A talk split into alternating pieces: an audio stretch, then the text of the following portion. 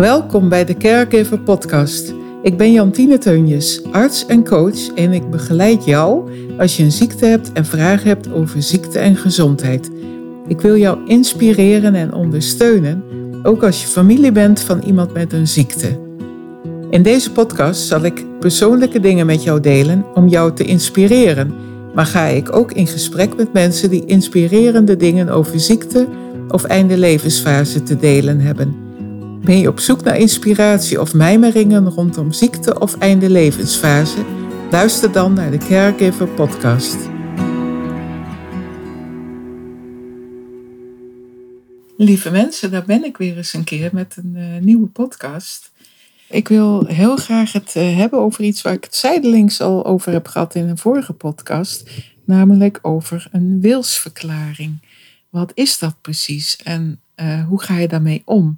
Dat is wel uh, ontzettend belangrijk om daar uh, ja, tijdens je gezonde leven al goed over na te denken van wat wil je en wat wil je niet als je ziek zou worden.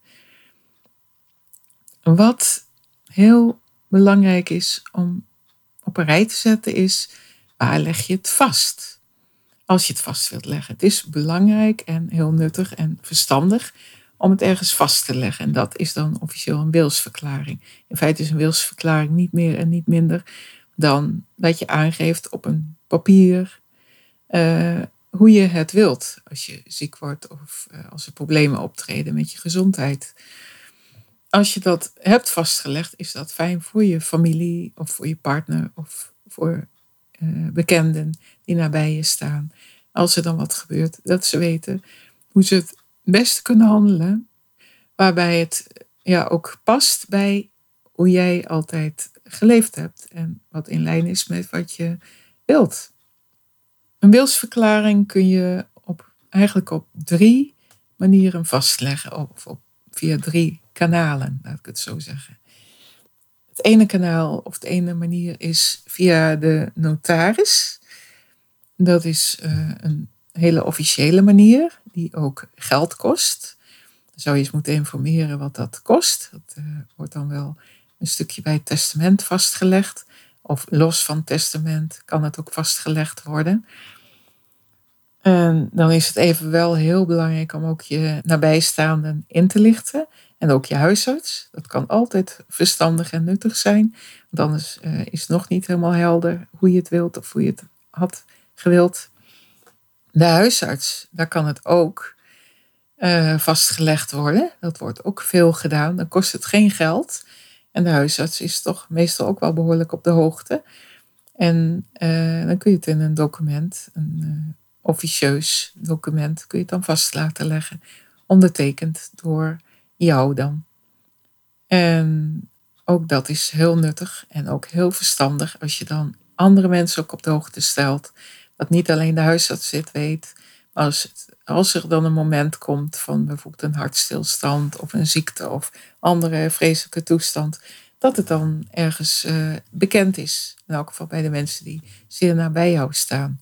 Ook als je eventueel alleenstaand bent, is het ook belangrijk dat je toch een aantal mensen op de hoogte stelt die dichter bij je staan. Als je, uh, wat ook nog een manier is, die is ook officieel toegestaan. Dat is dat je het gewoon zelf ergens vastlegt. Dat je ergens een papier hebt liggen. Eigenlijk is het uh, al rechtsgeldig op het moment dat jij een uh, geschreven briefje hebt waaronder jouw handtekening staat. Dus dat mag zelfs al.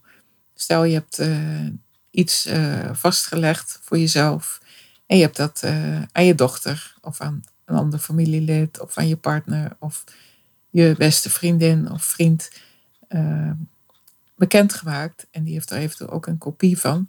Ja, dat is ook al uh, in feite al meer dan genoeg.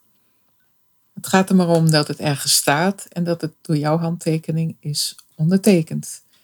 Wat zou je dan kunnen vastleggen? Want dat is dan natuurlijk iets wat je dan kunt afvragen. Als je daar nooit eerder in hebt verdiept, dan kun je afvragen van wat is dan belangrijk om vast te leggen? Nou, ik had het ook tijdens mijn uh, carrière als behandelend uh, ouderenarts, specialist ouder en geneeskunde.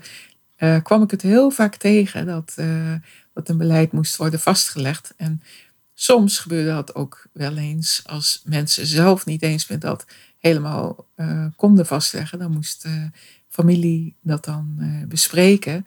En dan legden we het ook vast. Maar het is altijd mooier als het al een keer is vastgelegd door de betreffende persoon zelf. Want dan weet je gewoon beter ja, wat iemand gewild heeft in zijn leven.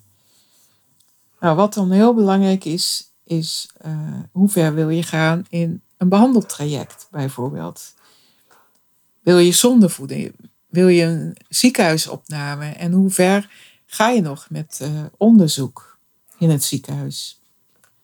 Wat ook heel belangrijk is, het, niet, het reanimeren of niet reanimeren.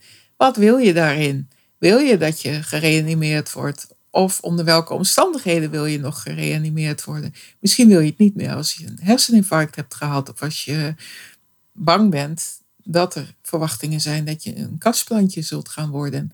Daar moet je wel heel genuanceerd dan dingen vastleggen. Ik denk dat daarin een huisarts ook een hele goede persoon is, of een ouderenarts, om daarin mee te denken van waar kun je allemaal aan denken? Wat kun je allemaal verwachten? daarbij uh, is een hele goede afweging. Uh, ga je levensverlengend uh, handelen?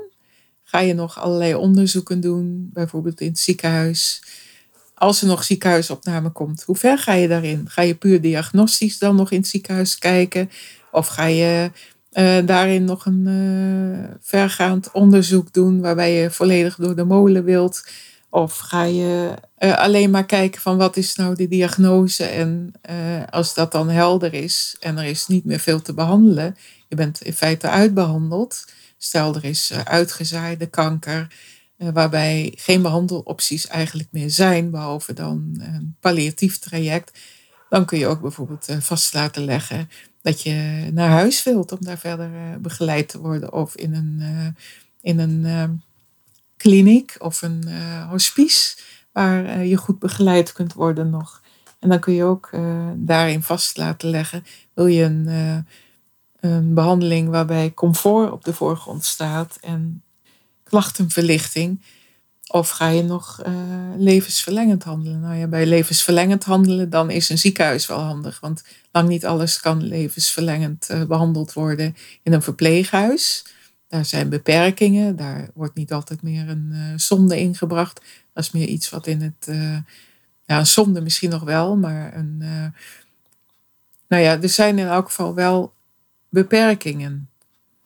Een infuus wordt bijvoorbeeld meestal niet meer in het verpleeghuis ingebracht. Soms nog wel een hypodermoclise, dat is een beetje een tussenvorm. Een hypodermoclise is een onderhuidsinfuus Eigenlijk officieel heet het geen infuus. Maar daarbij kan nog wel wat vocht toegediend worden als iemand achteruit gaat. Wat ook een keuze daarin kan zijn dat je daar een termijn afspreekt. Dat je bijvoorbeeld zegt, als niet binnen een week verbetering plaatsvindt in de gezondheidstoestand, dan maken we de keuze om dan alsnog de zonde of de hypodermoclise of, de, of het infuus te verwijderen.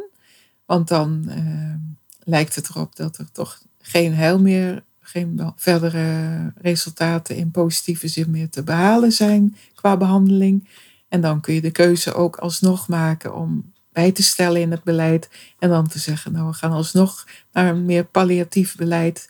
Dus zorgen dat iemand niet meer lijdt en dat er geen levensverlengende handelingen meer plaatsvinden. Dat er alleen nog maar gekeken wordt, hoe kunnen we zorgen dat iemand uh, ja, een zo prettig mogelijke behandeling nog heeft. Waarbij puur gekeken wordt naar pijnbestrijding, ongemak, uh, onrustbestrijding, dat soort dingen.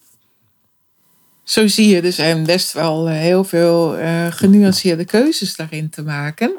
En ja, het kan heel fijn zijn en heel belangrijk zijn als iemand bij leven en welzijn in goede toestand dit soort dingen heeft vastgelegd. Waardoor dus uh, je als familie of nabijstaande niet in verlegenheid wordt gebracht op het moment dat iemand bijvoorbeeld een zware beroerte krijgt of dat iemand een hartstilstand krijgt, dat je ook weet van we gaan hier nog reanimeren of we gaan hier niet meer reanimeren onder deze omstandigheden. En ook op het moment dat er uh, eventueel wel een keuze wordt gemaakt om nog dingen te doen, dat ook er op een bepaald moment een andere richting ingeslagen kan worden, omdat er al over grenzen lijkt te, heen te. Uh, also, uh, de grenzen die iemand al had gesteld bij leven en welzijn, dat die kunnen worden verlegd, omdat iemand dat niet meer had gewild. Dus uh, ja, ik vind het zelf heel waardevol als dit soort dingen al vastgelegd zijn.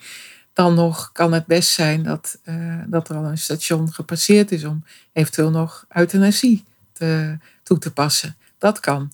Want als iemand al dement is of een dusdanige beroerte heeft gehad dat iemand totaal niks meer kan aangeven en ook zelfs niet meer uh, wilsbekwaam is, ja, dan mag je in principe geen euthanasie meer toepassen. Dan kan het wel zijn als iemand nog een levensverwachting heeft van bijvoorbeeld twee weken of minder, dat er toch uh, palliatieve sedatie gekozen kan worden in uiteraard hele goede afweging met uh, alle betrokkenen en de arts en ja, iedereen die uh, nabij staat. En dan nog moet er heel zorgvuldig ook gehandeld worden, uiteraard. Ik zal het nog even heel kort samenvatten, want dit is wel een hele brei van informatie. Er zijn dus uh, kortom uh, drie mogelijkheden om je wilsverklaring vast te leggen. Dat is bij de notaris, bij de huisarts en dat iemand het zelf doet. En daarbij is toch onderlinge communicatie toch nog steeds heel belangrijk. Dat mensen op de hoogte zijn die nabij staan.